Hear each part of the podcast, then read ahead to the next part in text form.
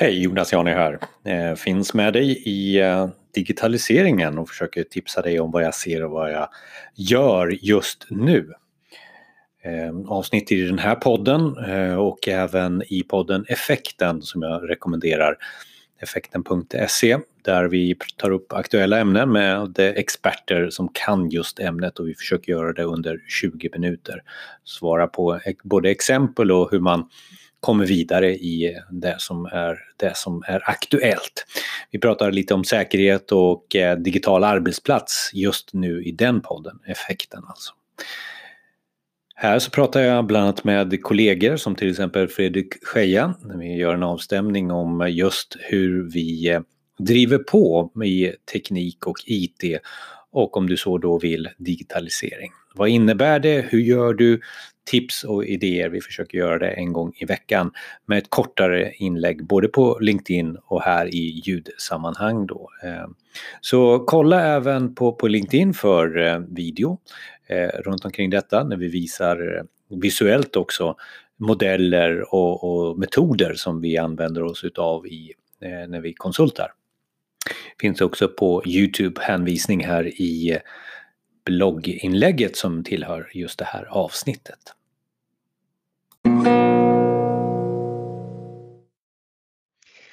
Då är det så att Jonas och Fredrik är här. Jonas och Fredrik jobbar på samma organisation som är ett konsultbolag som heter Society. Det var ju väldigt eh, precis. Eh, jag jobbar oftast som teamlead och projektledare och Fredrik är en mästare när det gäller eh, eh, mjukvarutestning och allting som har egentligen med den agila utvecklingen att göra. Du får gärna fylla på om jag är helt ute och cyklar Fredrik. Absolut. När mina, när mina barn frågar vad jag jobbar med så säger jag att jag gör bilderböcker för vuxna. Eh, det vill säga försöker modellera, eh, skapa bilder så att folk får förutsättningar för att testa på ett bättre sätt. Eh, stödja beslut på ett, på ett mer eh, effektivt sätt. Och nu är det dina barn 25 år så att man får fortfarande jobba med bilder med dem eller? Nej. Ja. Alla behöver bilder. Ja. ja men så är det och det är väl det som är dagens eh, ämne också lite att vi har hållit på och diskuterat väldigt mycket om införande och det gjorde vi redan förra veckan du och jag Fredrik. Vi pratade om modeller för att hänga upp sig på för att digitalisera på ett rätt sätt eller eh, i alla fall ha regler på hur man digitaliserar sig. Och det som kommer upp nu eh, här på skärmen det handlar ju om en fråga som jag får från kunder just nu när när vi jobbar väldigt mycket i de här verktygen, samarbete arbetsverktygen som till exempel Teams då, där man eh, har varit tvungen att börja springa ganska snabbt kanske i införandet utav ett system. Det kunde ha stått vilket annat system som helst här, men nu pratar vi om Teams då. Man har kommit längst till höger på den här modellen, att man har den utrullad egentligen. Mm. Men man hade kanske inte tänkt sig att springa så där snabbt, men nu var man tvungen att göra det. Och då får jag en reaktion väldigt mycket från kunder nu så här. Ja, men nu står vi här i, i rollout, men vi känner att vi måste berätta för användarna vad de inte ska göra. Aha. Eh, kan vi skriva en manual om vad de inte ska göra? Och då känner jag så här, oh, nu är vi fel ute. Och då eh, försöker man vara klok och, och, och, pedagogisk och visa på bild, bildspråket. Då. Den här bilden visar väl lite hur, hur man kan ta sig till från en planeringsfas till en leveransfas till att man är, har den implementerad helt i, i organisationen. Och då måste man vara klok i plan tycker jag alltid. Alltså, vad är det för någonting som du svarar på? Vad är det för what's in it for me, alltså slutanvändarens vad är det för någonting som, som vi kan tillfredsställa slutanvändaren? Vad, vad, vad för, förenklar det här i min vardag? Och det mm. spelar ingen roll vilket verktyg du har, men just Teams är väl kanske mer så att man fokuserar där för att få ett svar på den frågan. Och sen så har vi den här tekniken och, och, och vi har olika typer av små eh, snöbollseffektsutrullningar om piloten får kallas det och så kopplar man det mot själva affärsmålen för att man vill bli, bli bättre. Det är inte bara att fylla i ett system in i organisationen och sen så kommer rollout. Eh, så, så det här är väl en pedagogisk bild eh, Fredrik och den här vill bara köra eh, alltid, eller? Ja, den, är, den är ju eh, väldigt linjär kan man säga och, och det som, det som är, är, roligt är att det är nu när, när det verkligen eh, fokuseras på utrullningen. Det är nu effekterna kommer, det är nu man ser och kan identifiera vad resultatet blev av att introducera ett nytt verktyg. Och så ser man att det här verktyget kanske används på ett sätt som vi inte hade förväntat oss att göra det. och då är frågan, eh, återigen kanske ta liknelsen med att säga att du inte får göra någonting till ett barn. Då gör de det. Garanterat. Eh, och jag tror också att många vuxna eh, på pin kiv skulle kunna tänka sig att göra någonting om de får reda på att det här får du inte göra.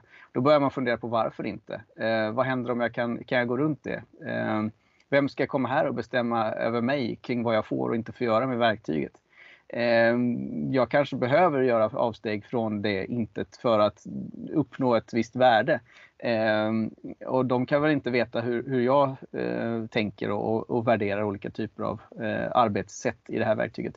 Så att jag tror inte, min uppfattning är att eh, man bör inte eh, gå ut och, och, försöka begränsa folks artistiska frihet när det gäller att använda ett verktyg, för det måste få blomma ut.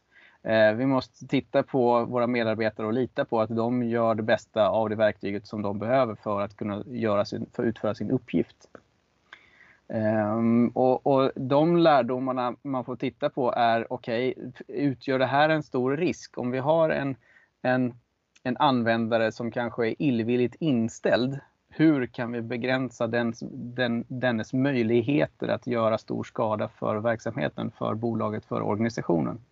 Eh, det man tittar på, eh, hur, så att säga, det är nästan penetration testing eller, eller eh, eh det som, som eh, vi som testare är intresserade av alltid att sätta sig in i olika typer av illvilliga personers psyke för att hacka sönder saker, för att göra sönder saker. Vad händer om jag lägger till en alldeles för stor fil som inte plattformen klarar av? Eh, sänker jag någon server då?